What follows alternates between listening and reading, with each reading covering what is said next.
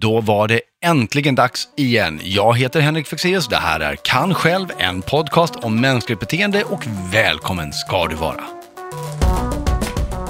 Vi har biologiska system som funkar i flock. Förr när vi levde liksom på väldigt oskyddat på savannen bland farliga djur och sådär så var det livsfarligt för oss att hamna utanför den där flocken, att bli utstötta och så. Det ledde ganska ofta till en säker död. Så det är inte så himla konstigt att vi även idag om vi kan överleva rent fysiskt, trots att vi sitter i en eh, lägenhet någonstans och är ensamma, så blir vi sjuka därför att vårt system ger signaler till oss att det här är en fara.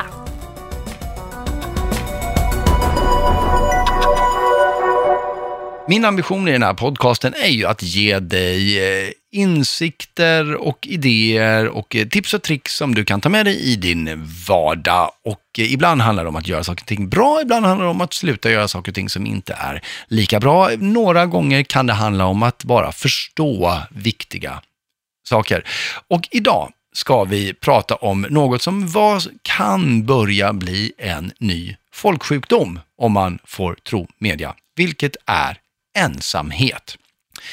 Kan låta som ett litet eh, trist ämne att prata om i en sån här härlig podcast, men det här är ett väldigt viktigt ämne och det innehåller sannolikt några fler aspekter än vad du eh, tänker dig just nu bara när du hör ordet ensamhet och eh, kan nog finnas en del tänkvärt även här. Så eh, välkommen ska du vara till ett väldigt ensamt avsnitt av Kan själv. Det kan låta märkligt, inser jag, att jag just sa folksjukdom. Att jag vill likställa ensamhet med en folksjukdom. Men det är faktiskt någonting som kan drabba oss precis lika illa som en sjukdom. Men först måste vi reda ut begreppen. Därför att ensamhet i den betydelsen jag ger det nu, det är inte samma sak som eh, vad ska vi säga, avskildhet. Därför att det innebär bara att man är själv och många gånger är det för att man har valt det. Och att vara själv eller, eller avskildhet, det, det är en omständighet som har med din kringmiljö att göra. Det är bara du där. Och det är någonting som kan vara både hälsosamt och viktigt, att, att vara själv ibland. Och vissa behöver det, kanske till och med söker det mer än vad andra gör. Ensamhet däremot, det är ett psykologiskt tillstånd. Det har ingenting att göra med hur många eller få människor som rent fysiskt finns runt omkring dig.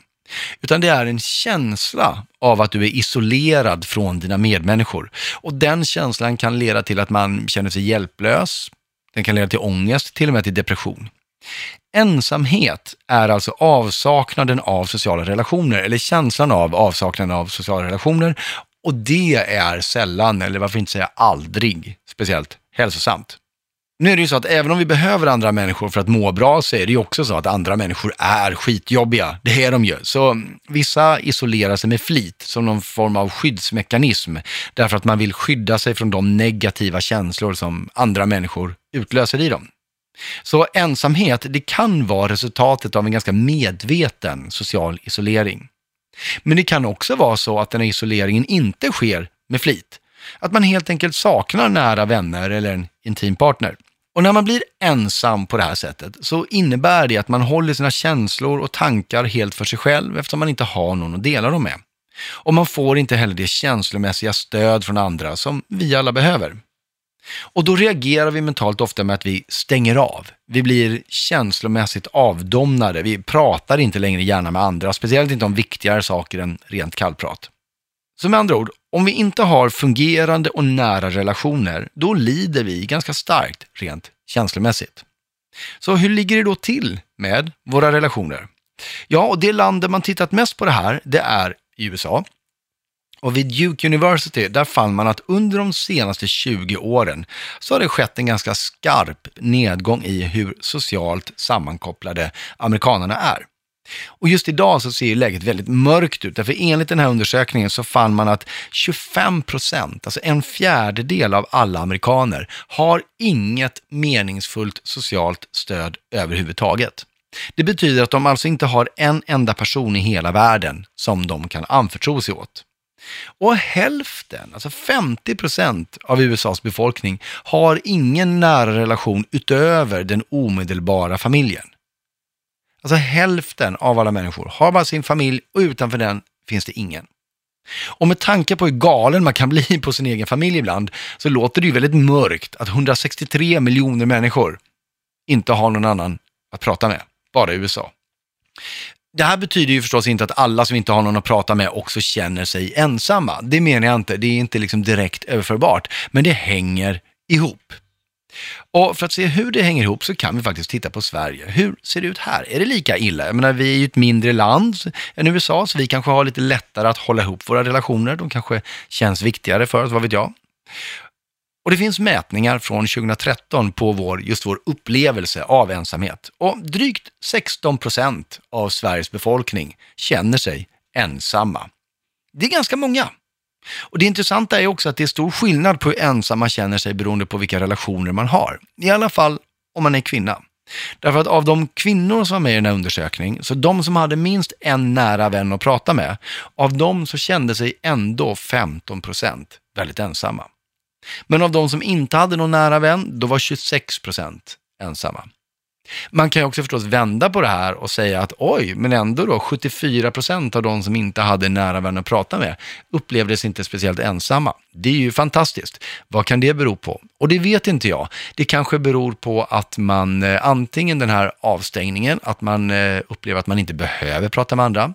Det kan också vara så att man har digitala vänner kanske, eh, som man eh, chattar med och så vidare. Och jag tror inte att det inkluderades i den här undersökningen. Men igen, det är ju inte bra att 26 procent känner sig väldigt ensamma.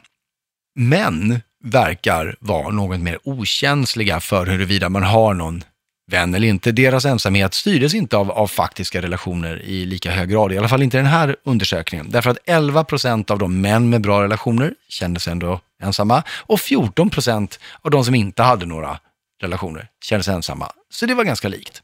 Men poängen är, folk går omkring och känner sig ensamma och det verkar öka. Hur kan det då ha blivit så här?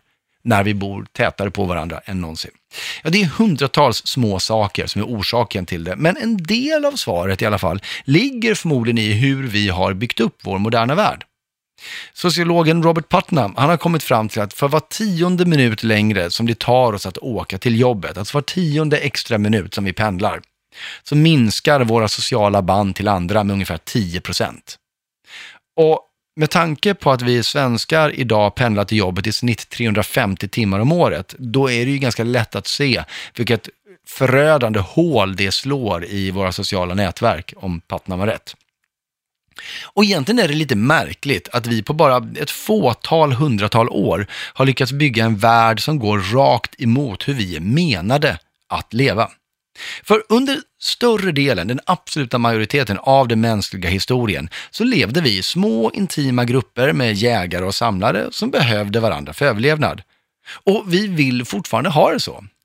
Antropologer som har studerat jägar-samlarsamhällen som existerar idag i modern tid, de menar att sånt som social isolering och just ensamhet, det existerar i princip inte i de här samhällena. Och anledningen är ganska tydlig. Därför att medlemmarna i de här samhällena tillbringar större delen av sin vakna tid i fysisk närhet av sina vänner och familj. Och de kan inte heller skärma av sig från de här personerna, utan de behöver hantera den situationen och få det sociala att fungera. Och därmed göra det meningsfullt. Jämför det med de ganska hermetiskt tillslutna fort som vi moderna människor bygger av våra hem, där vi ersätter vänner med skärmar och prylar och en tjock ytterdörr. Det finns också en väldigt spännande japansk studie där man fick förmånen att realtid se vad som hände med en kultur som blev industrialiserad. Besynnerligt nog så var det nämligen så att på grund av politik och ganska lustig stadsplanering så blev ena halvan av en japansk stad plötsligt hypermoderniserad medan den andra fortsatte som ett jordbrukssamhälle.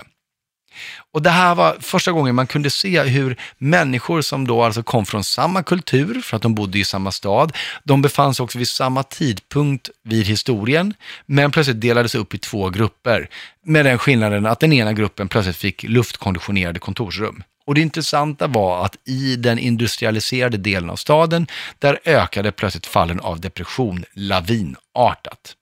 Och som vi pratade om innan, eh, depression och ensamhet och isolering är väldigt nära sammankopplade. Och det finns också studier som pekar på att eh, social isolering av den här sorten, det gör oss inte bara mottagliga för stark depression, det gör oss också mer sårbara för olika former av beroendebeteenden. Vi har lättare för att börja ta upp eh, att det kan vara, det behöver inte vara droger, det kan vara vilken form av beroende som helst. Eh, och förmodligen som någon form av kompensation i vår jakt på meningsfullhet. Och det i sin tur, beroendebeteenden, blir väldigt ofta en kostnad för samhället. Och så här kan vi ju inte ha det. Det är ganska tydligt idag att vi behöver motverka den här utbredningen av ensamhet som sker just nu. Både för att vi ska må bra, men också för att samhället ska må bra. Så hur ska vi göra det då?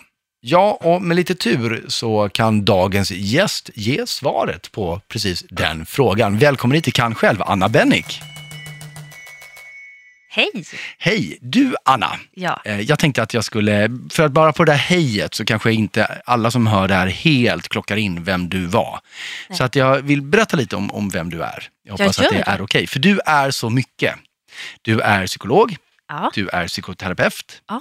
du eh, och också då jobbar förstås aktivt som terapeut. Just det. Nominerad till Stora psykologipriset två gånger. Ja, gud har jag har fått veta. på. Ja, eh, men du är också författare. Du har skrivit en väldigt viktig bok om stress som heter Sjukt stressad. Just det. Och du har skrivit en, en bok som handlar om någonting, det kanske är relaterat, men som handlar om skilsmässa. Ja. Som ju, kan ju vara väldigt stressrelaterat det också. Eh, vägen genom skilsmässan, eller hur? Heter den? Så heter den. Mm. Jag, känner att, eh, jag, jag känner mig inte riktigt i feelgood-genren nu när Nej. du presenterar mig. Nej, men det är inte därför du är här. Eh, och sen så är du ju i, i tv typ hela tiden. Du är i psykpanelen och relationsakuten. Är båda de i TV4 Nyhetsmorgon? Ja, båda de. de panelerna är där. Mm. Och sen så eh, hade ju också fyran en programserie som heter Helt sjukt. Mm, just det. Där du var, var expert på det. det mentala. Stämmer det här att, att du har också haft en, en, eh, varit inblandad i en serie om social fobi på, på UR? Ja, det, har, ja, det var jag. När Nå- var, när var det? Ja, jag kommer inte ihåg det faktiskt. Det kan ha varit 2000, 2012 kanske, 2013, 2000, någonstans där. Inte jättelångt bort. Eh, Nej, det är inte jättelångt Nej. bort. Den var så himla fin den serien. Eh, om hur man kan komma ifrån sin sociala fobi. Och fyra stycken unga vuxna som jag fick jobba med. Ligger i några på avsnitt. Play fortfarande? Som man kan, eller i deras arkiv kanske? Som man kan Eh, se? jag, jag tror det. Åtminstone så var det någon som skickade något meddelande för ett tag sedan och sa att det går i repris nu. Så ah, det har nog gått i repris Bra. nyss i alla fall. Eh, men jag vet faktiskt inte. nej, jag får leta upp det. Och sen också förstås så används det ju flitigt av Filip och Fredrik i Breaking News. Just det. Så. Eh, och det är inte slut där, för du är ju också skribent. Faktum var att innan det här, det blev lite så här innan vi skulle träffas idag, så hade du en artikel du behövde skriva klart som skulle iväg. Ja, Eh, och du skriver i Må bra, just det. eh, vad jag vet. Mm. Du publicerade mer? Och Sen skriver jag också på Psykologiguiden Just som är en, en sajt som handlar om psykologi. Eh, där skriver jag också svar på frågor ifrån allmänheten och ibland en och annan krönika och lite sådär. Just det. Så. Eh, så att du dyker liksom upp som expert i alla möjliga mediala sammanhang egentligen, på just det här som inte är så feelgood. Inte så feelgood men som jag ändå tycker är väldigt spännande. Och inte bara du. Eh, För du föreläser ju en massa om det här. Du blev till och med nominerad till Årets talare förra året. Ja, det blev jag. Jag var så himla hedrad. Så det här är ju ämnen som slår an. Ja, för men att det de är det faktiskt. bevisligen är viktiga. Eh, Och då kommer vi in på det här med, med ensamhet. Och Ja. när vi skulle prata med varandra så hade jag ju lite andra idéer om vi, vad vi skulle prata om egentligen. Ja. Och då brann för, nej men, nej men Henrik, det här med ensamhet, vi måste, vi måste ta tag i det. Liksom. Det känns lite viktigare just nu. Och då tänker jag så här, men för att jag har just innan du kom in nu så har jag förklarat att det inte alls är bra för oss nödvändigtvis att vara ensamma. Men är det verkligen så då? Det är väl rätt skönt att vara själv, tänker jag. Eller? Absolut. Det finns ju ibland ingenting annat som eh, får oss att återhämta oss så mycket som, som att faktiskt vara för oss själva. Så så är det ju verkligen. Och sen finns det där också ett ganska brett spektrum av eh, här, hur mycket vi vill vara ensamma och i fred och återhämta oss för oss själva och sådär. Och det, det där långa, långa breda spektrat av olikheter är ju helt naturligt. Vi vill har vara ensamma olika med- mycket. Har det någonting med att göra hur introverter inte man är eller hänger de inte alls ihop? Jo, men de kan, det kan hänga ihop, absolut. Det, det har det absolut. Eh, I alla fall ofta så är det, har det att göra med också så här, hur mycket kraft hittar jag eh, i ensamhet kontra hur mycket kraft eller hur bra mår jag att vara bland andra människor. Och så, Mm. så behöver vi gasa och bromsa och växla och hitta vårt eget eh, tempo egentligen i, i det där. Och det ser olika ut och det är helt naturligt. Men den här ensamheten då som du säger är väldigt viktig och bra för oss eh, Mm. i, i olika mängd. Är det samma typ av, av ensamhet som också kan vara skadlig för oss? Eller skiljer de sig på något sätt i... Förstår du hur jag menar? Ja, jag, jag skulle säga att de skiljer sig därför att den här ensamheten som är sund och bra och som vi kan behöva i olika utsträckning, den är ju den ensamheten som vi kan välja. Mm. Det är ju den här ensamheten som vi inte kan välja som brukar kallas för ofrivillig ensamhet som är Så, bra eh, alltså skadlig. På, på sikt är den skadlig Mm. faktiskt. Vi blir sjuka av att vara ensamma när vi inte vill det. Och när du säger sjuka, vad, vad menar du då? Ja, alltså det här nu, don't get me started. Men Jo, alltså- det är därför du är här. ja, visst ja.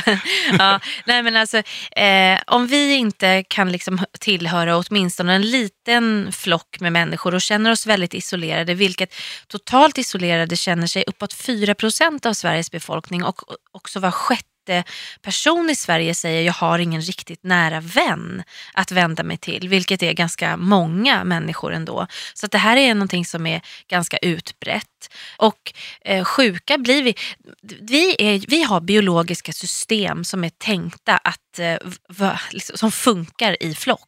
Och man, evolutionsteoretikerna pratar ju om det att förr när vi levde liksom på väldigt oskyddat på savannen bland farliga djur och sådär så var det livsfarligt för oss att hamna utanför den där flocken, att bli utstötta och så. Det ledde ganska ofta till en säker död. Och våra biologiska system ser ju ganska likadana ut idag som för jättelänge sedan. Mm. Så, att, eh, så det är inte så himla konstigt att vi, även idag om vi kan överleva rent fysiskt, eh, trots att vi sitter i en eh, lägenhet någonstans och är ensamma, så, så blir vi sjuka därför att det, vårt system ger signaler till oss att det här är en, en farlig en fara.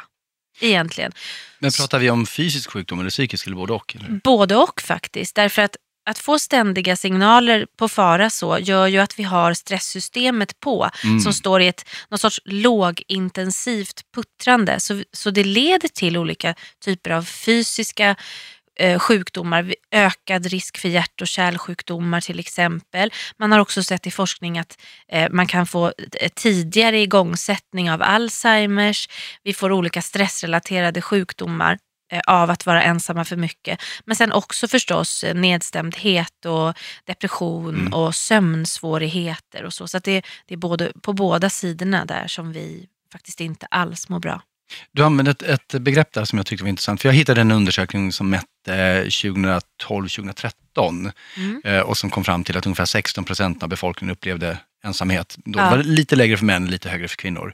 Men du, du och nu sa du totalt, eh, totalt isolerade 4 procent. Eh, vad, Mm. vad betyder det? det här, vad, vad är skillnaden mellan de här 16 som upplever att de är ens, ensamma och de här 4 procenten som är totalt isolerade? de här fyra, uppåt 4 procenten som upplever isolering, där har det alltså gått väldigt lång tid utan att man har haft minsta kontakt med Ja. någon annan person, alltså ett telefonsamtal eller träffat någon. Det har gått liksom minst en månad utan någon form av kontakt. Eh, och sen kan det där se lite olika ut. Man kan ju ställa frågor på väldigt olika sätt och Mm. jag är inte alls förvånad att 16 procent av befolkningen beskriver jag känner mig ensam. Man kan ju känna sig ensam fast man har människor omkring sig också. Mm, oh ja. Och det var därför jag tänkte fråga att en månad utan kontakt, i alla fall rent teoretiskt, även om du är då fysiskt totalt isolerad så behöver det ju inte betyda att du, är, att du lider av den. Nej, det Och då kanske man inte göra. svarar ja på den där frågan om man var ensam. Men, men så att jag tänker mig de här fyra procenten som är totalt isolerade, det är också människor som upplever det negativt antar jag. Ja, det är det ju. Det är, alltså 4 procent är rätt mycket. Ja, det är jättemånga människor. Väldigt många äldre förstås, där Ja. vänner har försvunnit och eh, dött bort och så. Så att... ehm, eh, Hur, hur ser det ut? Har du någon aning om, eh, för, för det, det känner jag också att, att jag, äldre, eh, har du någon aning om hur det, hur det ser ut bland yngre? Eller har man mätt, mätt det? Jag har i, i sittande stund inte någon siffra på skillnad på äldre och yngre eh, när det kommer till ensamhet eller social isolering. Jag bara vet att det är en skillnad, att det är några fler äldre personer Mm. som, som är ofrivilligt ensamma därför att deras vänner inte längre finns kvar. Men, men ensamhetskänslor är ju väldigt utbrett och det är ganska många unga som också känner sig ensamma och eh, lider utav det naturligtvis. För det var det jag tänkte på, för jag kommer ihåg att när, när larmrapporterna gick ut, eller jag läste någon undersökning som presenterades just med, med fokuset på de äldre, att, att de blir ensamma och de lider. Och, och med uppropet att vi måste hantera det här, och absolut. Ja. Men, men jag undrar också om det inte är så att, att människor liksom under 20 är också mycket mer drabbade av det här än kanske de som är över, säg 25 leka med tanken i alla fall. Därför att idag bygger vi inte nödvändigtvis våra sociala nätverk på samma sätt som vi gjorde innan. Vi har inte alltid en omedelbar kontakt för vår, vår, näst, vår bästa vän idag kan lika gärna vara i Australien. Ja, precis så är det ju. Så ser det ju verkligen ut. Och det där är ju på gott och ont. Därför att, eh, att vi har den typen av möjlighet att nå andra människor kan ju också göra att man känner sig i stunden lite mindre ensam. Mm, än om man inte hade de plattformarna överhuvudtaget. Så det har jag också träffat unga personer som säger så här, men om jag inte hade haft eh, de här spelen och de här grupperna som jag eh, ingår i digitalt så skulle det vara katastrof. Det i alla fall hjälper lite grann. Mm. Men för andra är det ju så att det också är, eh, om man har lite svårt till exempel, man tycker att det är lite jobbig tröskel att liksom, ta sig över för att befinna sig i olika sociala sammanhang, då kan det också vara lättare att stanna hemma och eh, finnas på de där plattformarna där man inte behöver vara social med andra på riktigt. Ja, och just det, kan ju leda också till lite negativa spiraler, att man känner sig mer, ja, sämre och sämre på det och att man är, känner sig mer otrygg i, i de riktiga sociala Ja, för man får ingen sammanhangen. träning tänker jag. Nej men precis. För det handlar ju ganska mycket om färdigheter och om träning Mm. i, i sociala miljöer. Så så är det ju. Och en del har ju så himla lätt för det där. Det bara liksom sitter som ett rinnande vatten. Ja, vi andra får lära oss. Andra behöver träna sig lite mer. Det är väl som med många typer av färdigheter. Ja, men, men, men det är ju det. Jag brukar få frågan, eh, i och med att jag skriver en del böcker och så här, men har du alltid varit så bra på de här grejerna? Bara, Mm. Nej, tvärtom. Jag var asdålig. Det var därför jag började träna. Just Eh, det. det är som med alla färdigheter. Man blir bättre om man tränar. Sen blir inte alla medaljörer. Nej. Eh, så. Men det går att öka Går öka åtminstone allting. färdigheter. Och även om man inte når någon medalj så kan det vara rätt stor skillnad på att ta två kliv Gud, framåt på, för ens livskvalitet. Men jag tänkte på det där med, eh, som vi pratade med om att vi faktiskt blir sjuka och sådär. Mm. Och också hur vi ska, du var inne lite grann på så här, att man har pratat om att vi måste fånga upp ka- kanske framförallt de äldre medan vi, vi behöver ju faktiskt fånga upp alla. Men hur dåliga vi också är idag på att fånga upp människor som är ensamma. Och om du går in till exempel på Vårdguidens hemsida Mm. eller någon hälsohemsida och, och slår upp slår in ordet så här, hälsa eller hälsofrågor, då hamnar man på en sida som tar upp eh, kost, motion, rökning, nutrition. Och, ja. alkohol och, och sömn och numera finns det också stress där. Ja. Men det finns ingenting om socialt nätverk och med tanke på att studier visar att det är farligare att vara ofrivilligt ensam än att vara öv- väldigt överviktig och det är farligare att vara ofrivilligt ensam under en längre period än att vara stillasittande så är det konstigt att det ser ut som det Mm. gör tycker jag. Varför tror du att det är så då? Ja, men, eh, ja, varför tror jag att det är så? Jag tror att det är flera anledningar till det. En anledning är väl att vi är återigen inte så tränade i att prata med varandra om de där sakerna. En annan sak är ju också hur vårt stöd Liksom, nätverk ser ut i samhället. Om du och jag inte mår bra så är den första instansen vi går till i vårdcentralerna. På vårdcentralerna, i, om, i väntrummen där, där sitter det människor med minst, åtminstone en tredjedel har psykologiska olika typer av svårigheter. På vårdcentralerna är, står det tio läkare, tre, fem sköterskor och en halv kurator Mm. till förfogande. Så vi har inte riktigt rätt eh, element för att möta upp alla olika typer av svårigheter. Och sen är det väl också så att som det ser ut idag att vi har, eh, läkare har ju 20 minuter på sig ungefär med de här besöken och är ganska hårt bokade och jobbar som 17 och vill göra allt för att hjälpa till.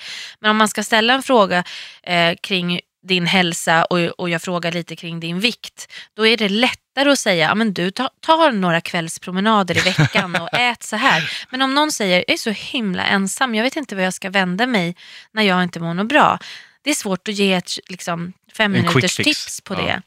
Så det, det kan väl kanske också vara en anledning till att vi är lite sämre. Vi har inte ens eh, psykologer så det räcker på vårdcentralerna för att skicka remiss till. Men du säger att vi är dåliga på det idag. Har det alltid sett ut så här eller har det här problematiken ökat?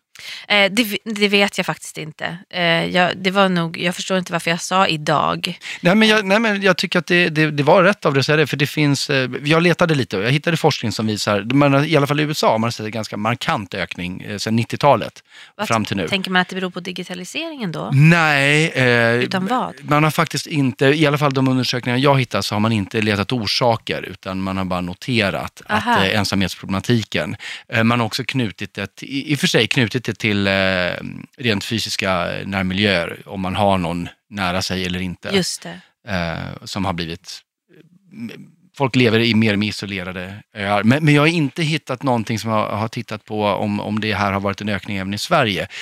Just det. Eh, det, Nej, det kanske har gjorts sådana undersökningar, jag har inte sett dem. Men man kan ju leka med tanken att vi har haft ungefär samma samhällsutveckling som USA, inte riktigt, men i alla fall i takt av hur vi moderniserar vårt samhälle och digitaliserar det. Och det. det. finns ju en koppling mellan industrialisering och depression Ja, som också är knuten till ensamhet. Så man kan ju leka med tanken att det, det kanske är så att vi är sämre på det idag för att problemet är större idag. Det skulle inte vara konstigt om det var så, tänker jag.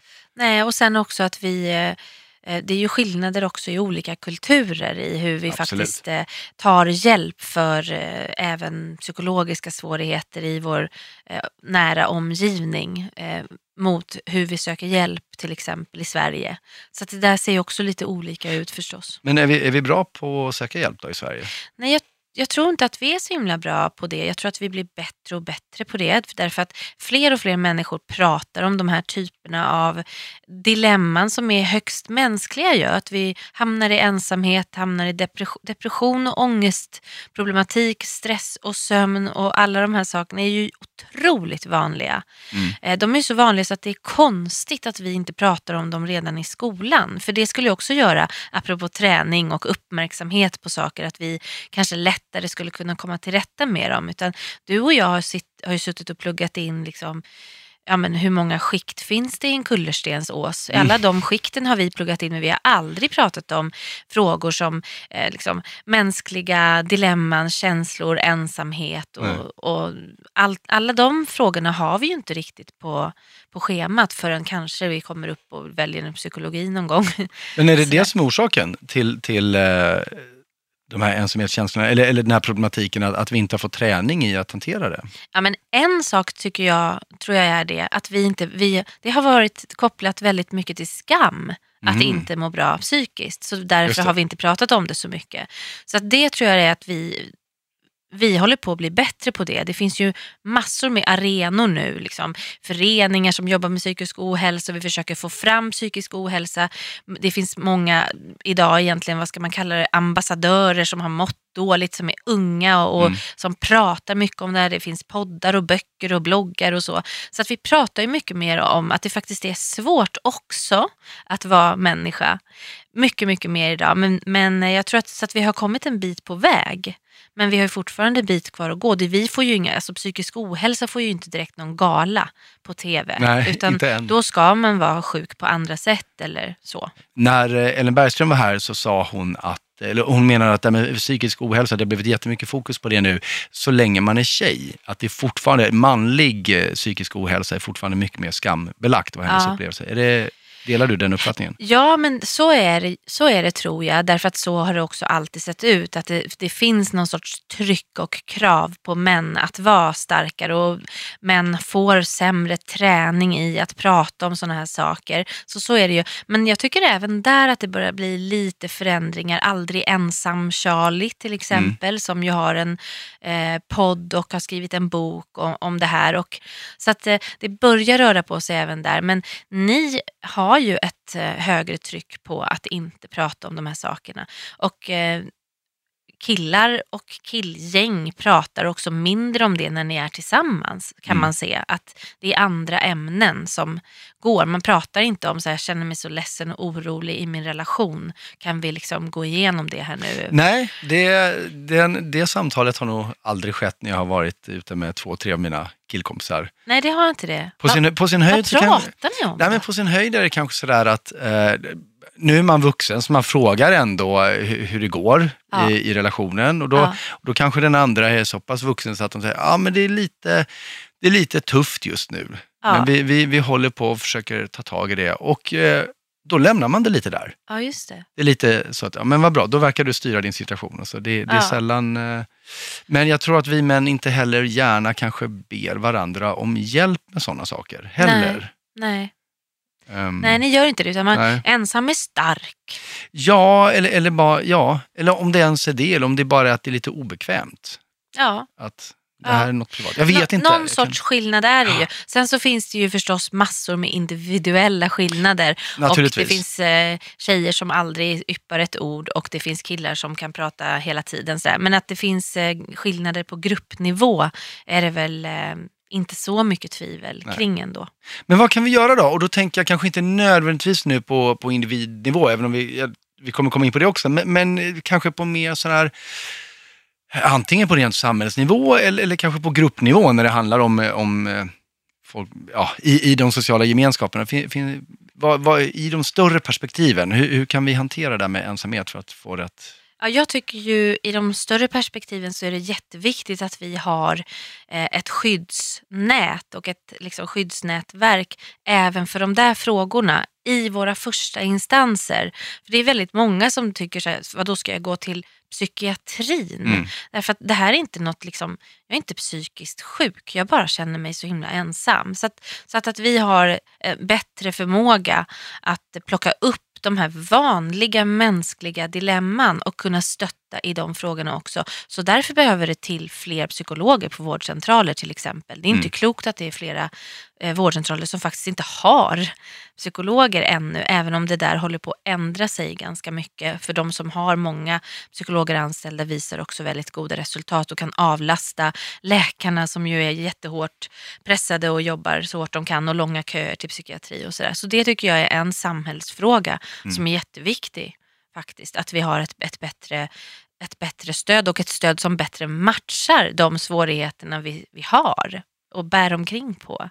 Och, och som du sa, kanske också att, att få in det i, eh, i skolan. Jag menar, Ja. min, min, min så, äldsta son går på gymnasiet nu, så han eh, läser psykologi i två, tre terminer. ja. Men de får ju inte läsa om sådana här saker, utan då, de hinner ju bara gå igenom liksom, vad finns det för psykologiska inriktningar, Ja, vem var Freud och Freud, Skinner ja, och så är det och- klart. Och den kunskap, det är klart att historisk psykologisk kunskap är, kan ju vara intressant, men det kanske vore mer användbart med något mer pragmatiskt eller något som faktiskt handlade om dem. Ja men absolut, jag tycker så här, kunskap om människan borde komma redan när vi börjar i skolan. Alltså man kan börja prata om så här, hur är vi med varandra som kompisar, när blir det svårt, när, när blir vi arga, vad betyder det att man är arg, hur kan man hantera det på olika Förskolan sätt har ju det där, vidare. man ska här, emotionell träning. Eh, men- Har de det? Ja, eh, inte alla kanske, men, men det var ju någonting som dök upp för några år sedan.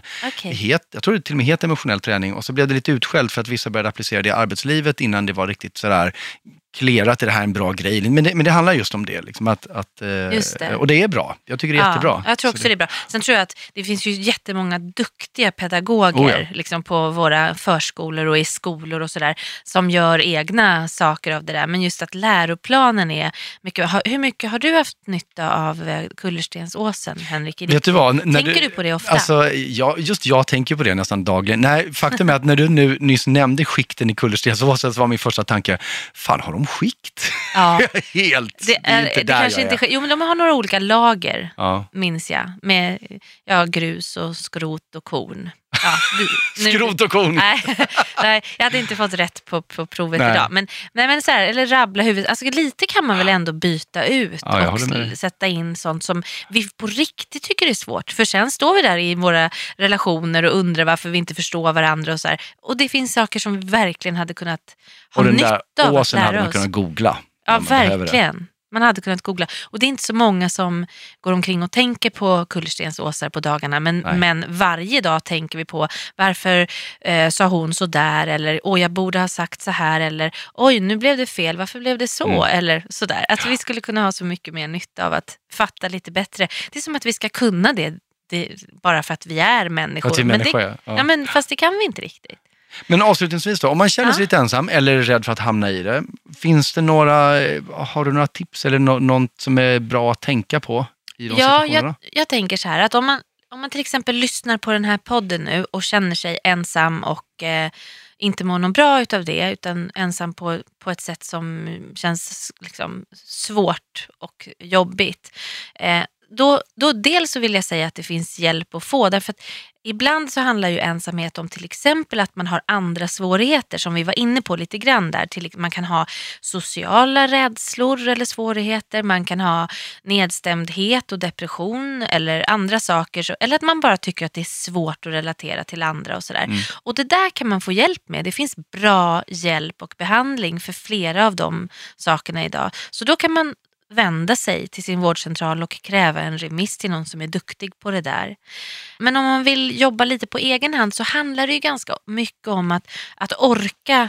För det väcker så mycket skam och så att, att mm. vara ensam så att det är svårt att göra de här sakerna ibland på egen hand. Men att försöka orka bredda sina sociala kontaktytor. Alltså, det, du kanske tycker det skulle låta jättetråkigt att dreja. Men om det finns någon drejkurs och verkar vara fullbokad med, så är det massa nya huvuden som sitter mm. På den där drejkursen. Och att, att det inte ska vara just drejandet eller silversmidet eller vinprovningen utan människorna som man ska försöka komma åt där. En del av mina klienter har också börjat jobba volontärarbeta till exempel och slå två flugor i smällen eller och jag tänkte man kan ju till och med välja en kurs på någonting som man faktiskt vill lära sig material. så visar sig att de andra människorna där inte är några sköna, men då lärde man sig dreja i alla fall. Ja men det är faktiskt sant. Man kan faktiskt eh, också ta kurser som man vill. Men, men jag menar att det inte måste vara huvudsyftet, nej, utan nej. huvudsyftet är var träffar jag nytt folk? Mm. Eh, och att kanske eh, träna sig att våga i små steg faktiskt fråga eller be om hjälp. Säg, fråga en granne, ska vi ta en promenad en kvart ikväll? Eller fråga en kollega på jobbet, ska vi ta en kaffe efter jobbet idag, det skulle vara roligt. Eller våga berätta, jag har faktiskt inga planer för helgen. Men om ni ska hitta på något kul så, så följer jag jättegärna med. Därför att de där sakerna är svåra att säga för, just av skammen. Mm. För att man tänker sig att om jag inte har någon så tycker andra att jag är konstig. Ja. Så det är några saker ja, som man kan göra för att jättebra. hjälpa sig själv. Jättebra. Och det är inga stora steg, även Nej, om det kan vara stora känslor. Det är, det är svårt, det känns stort, men eh, man kan ta små, små steg. Man behöver inte börja med att resa sig upp på arbetet och säga, vem får jag följa med på semester för jag har inget att göra i sommar. Eh, men att fråga Men det är grannen, också en bra idé. Ja, ja, faktiskt. Men det kan vara väldigt, väldigt svårt ja. att göra det. Så att, och det måste man också förstå. Så ibland behöver man lite puff i ryggen och lite hjälp och lite så. Och det, jag har ju till exempel jobbat med många personer som har varit ensamma och där vi har fått till bra resultat. Man behöver bara veta lite grann hur man ska göra och man kan behöva lite stöd och lite pepp och som sagt komma runt eventuella svårigheter som man har innan. Och inse att den där skammen är ganska irrationell. Ja, Sen får jag säga en sak till. Ja. ja jag såg liksom på dig att det är nästan lite dags att, att runda av. Men jag tänkte så här, eh, också till oss andra runt omkring i samhället. Ja, bra. Att vi också kan eh, tänka på vissa saker. Alltså, är det någon som vi, som vi vet är lite ensamma, kan man lägga tio minuter, en kvart på att ringa? Liksom, alla har väl en kvart i veckan ändå. Eh, eller faktiskt fråga ibland, mm. vill du följa med på det här och så? För vi, vi är uppenbarligen enligt studier också är Sverige lite grann sämst i klassen på att faktiskt också bjuda in andra. Det finns många så expertstudier där de säger att jag har jobbat i Sverige i tio år men jag har aldrig varit hemma hos en svensk. och att vi, vi också som kanske har vårt gäng och vårt eh, crew där hemma, att vi vågar liksom bjuda lite på det. Man behöver inte ta hela ansvaret för en, en helt annan människa men man kan kanske bjuda på någon promenad eller någon liten middag någon gång eller någonting sånt. Tycker det, otroligt viktigt. Det var jättebra att du hejdade mig där och fick in det. Därför att det, är, det kostar så lite och det är värt så otroligt mycket. Exakt Även om den andra personen säger nej. Det behöver Ja. inte ens bli av. Det viktiga är att, jag, har vi- att man har visat att, att eh, Ja. jag ser dig Ja. och, och jag vill umgås med dig. Verkligen. Anna, tack så jättemycket för att du kom hit. Tack själv. Ja, bra och värdefullt tips där från Anna tycker jag. Och, och igen, jag vill eh, en gång till slå ett slag för det där sista, att eh, ge sina vänner uppmärksamhet och bjuda in dem även om det inte blir av. För det är så lätt att, jag vet inte hur det är för dig, men åtminstone kan jag känna ibland att ah, eh, varför är det bara jag som ringer mina vänner? Och det vet jag för sig att alla känner. Jag vet att alla känner den grejen. Alla andra är så dåliga på att höra av sig utom jag. Men jag har också precis nu haft tillfälle att vi, under, under, ganska, under en ganska kort period har jag bjudit in eh, en stor mängd människor till olika evenemang och aktiviteter och typ 80 procent eh, eh, tackar nej eh, eller, eller dyker bara inte upp trots att de har sagt att de ska komma. Och då är det så lätt att bli så här, nu skiter jag i det här. Vad är det för otacksamma vänner jag har? Det, det, det här är inget kul längre. Och den känslan är väl befogad, men det är bara att svälja den och så bjuder man in igen eller ringer och säger att ja, men du, ska vi ta kaffe den den här gången då? Därför den enkla frågan, ska vi ses, är värd så otroligt mycket.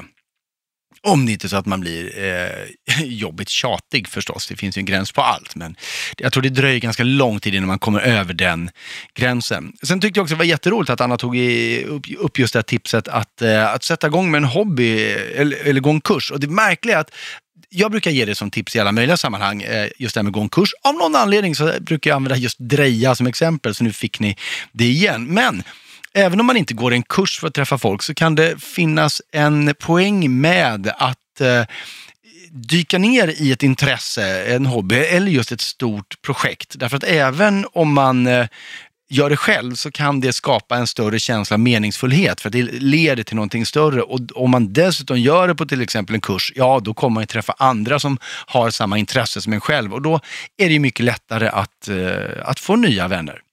En annan bra grej man kan göra för att motverka den här känslan av ensamhet, det är faktiskt att skaffa ett husdjur.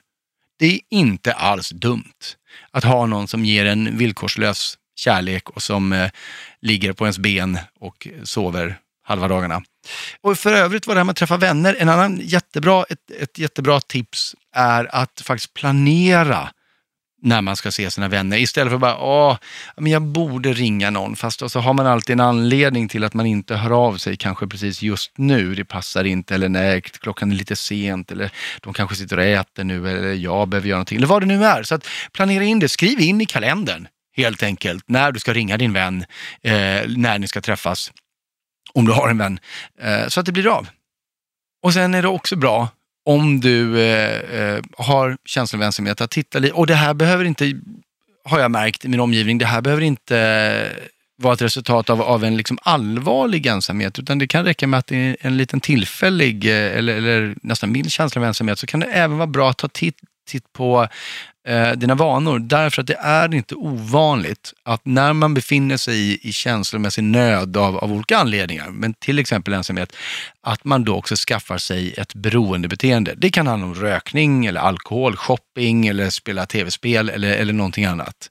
Så en liten varningsflagga på den, eh, både för dina vänner men också kanske se över ditt eget beteende. Har du någonting som du börjar göra rutinmässigt ohälsosamt mycket av så kan det vara en liten flagga för att det är någonting som behöver tas tag i.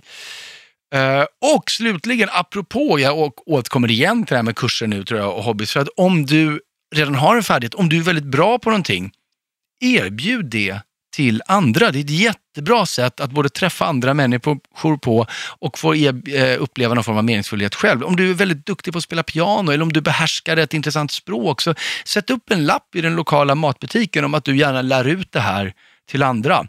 Eller, också som Anna var inne på, gå med i en frivillig organisation där du kan upptäcka att du både behövs och är uppskattad. Så det finns saker man kan göra på det egna planet för att motverka det här. För att ingen av oss vill ju vara ensamma, utom förstås just när vi vill det.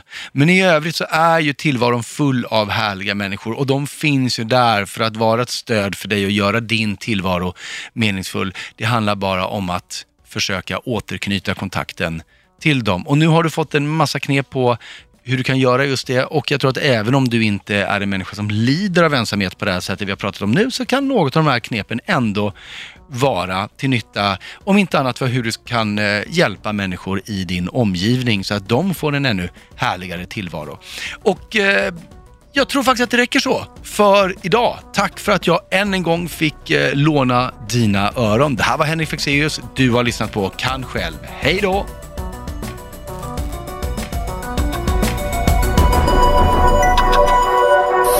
Produceras av I Like Radio.